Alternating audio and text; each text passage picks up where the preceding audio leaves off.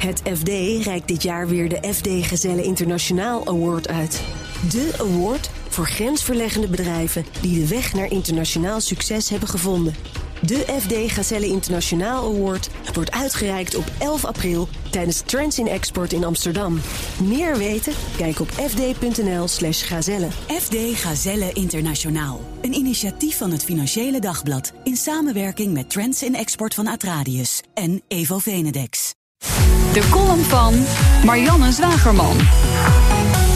In Nederland worden geen journalisten vermoord.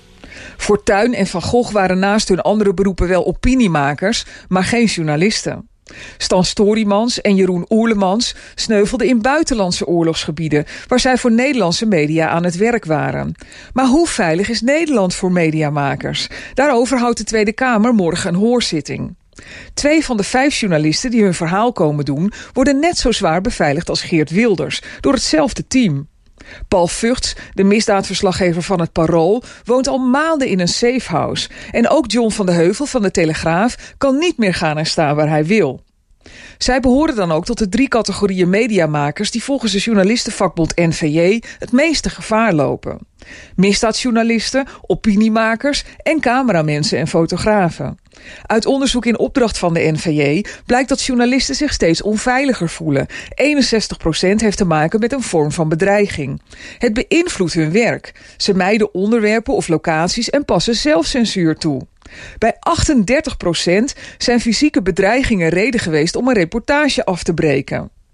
De onderzoekers adviseren de overheid om een signaal af te geven aan de samenleving dat bedreigingen tegen journalisten niet getolereerd worden. Dat signaal komt tot nu toe een beetje lafhartig door. En Van de Heuvel worden beschermd. Maar Juri Albrecht, directeur van debatcentrum De Bali in Amsterdam... kon vorige week schreeuwen wat hij wilde. Beveiliging kwam er niet voor de Franse journaliste... die bij Charlie Hebdo werkte... toen het grootste deel van haar collega's werd vermoord. Haar bewapende Franse beveiligers mochten de grens niet over. En Nederlandse werden niet beschikbaar gesteld. Zij moest met gevaar voor eigen leven naar de stad reizen... waar Theo van Gogh met een mes in zijn buik lag dood te bloeden... omdat hij min of meer dezelfde boodschap verspreidde... over de gevaren van de islam. Het uitmoorden van kritische mediamakers heeft blijkbaar zo weinig impact dat een paar beveiligers er niet van af kunnen. Hoe zinloos was je gewelddadige dood dan? En hoe erg vindt de overheid het dat een open debat waarin alle feiten en opvattingen op tafel komen niet meer kan worden gevoerd in dit land? Bange journalisten die aan zelfcensuur doen of hun stukken simpelweg niet gepubliceerd krijgen omdat uitgevers het niet aandurven. In Nederland. Het kan toch niet waar zijn? En dat zegt Marianne Zwageman, onze columnist, op dinsdag. En u kunt er terugluisteren op bnr.nl en in de BNR. Het FD reikt dit jaar weer de FD Gezelle Internationaal Award uit. De award voor grensverleggende bedrijven die de weg naar internationaal succes hebben gevonden.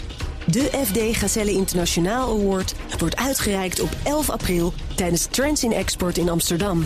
Meer weten? Kijk op fd.nl/slash gazelle. FD Gazelle Internationaal. Een initiatief van het Financiële Dagblad in samenwerking met Trends in Export van Atradius en Evo Venedex.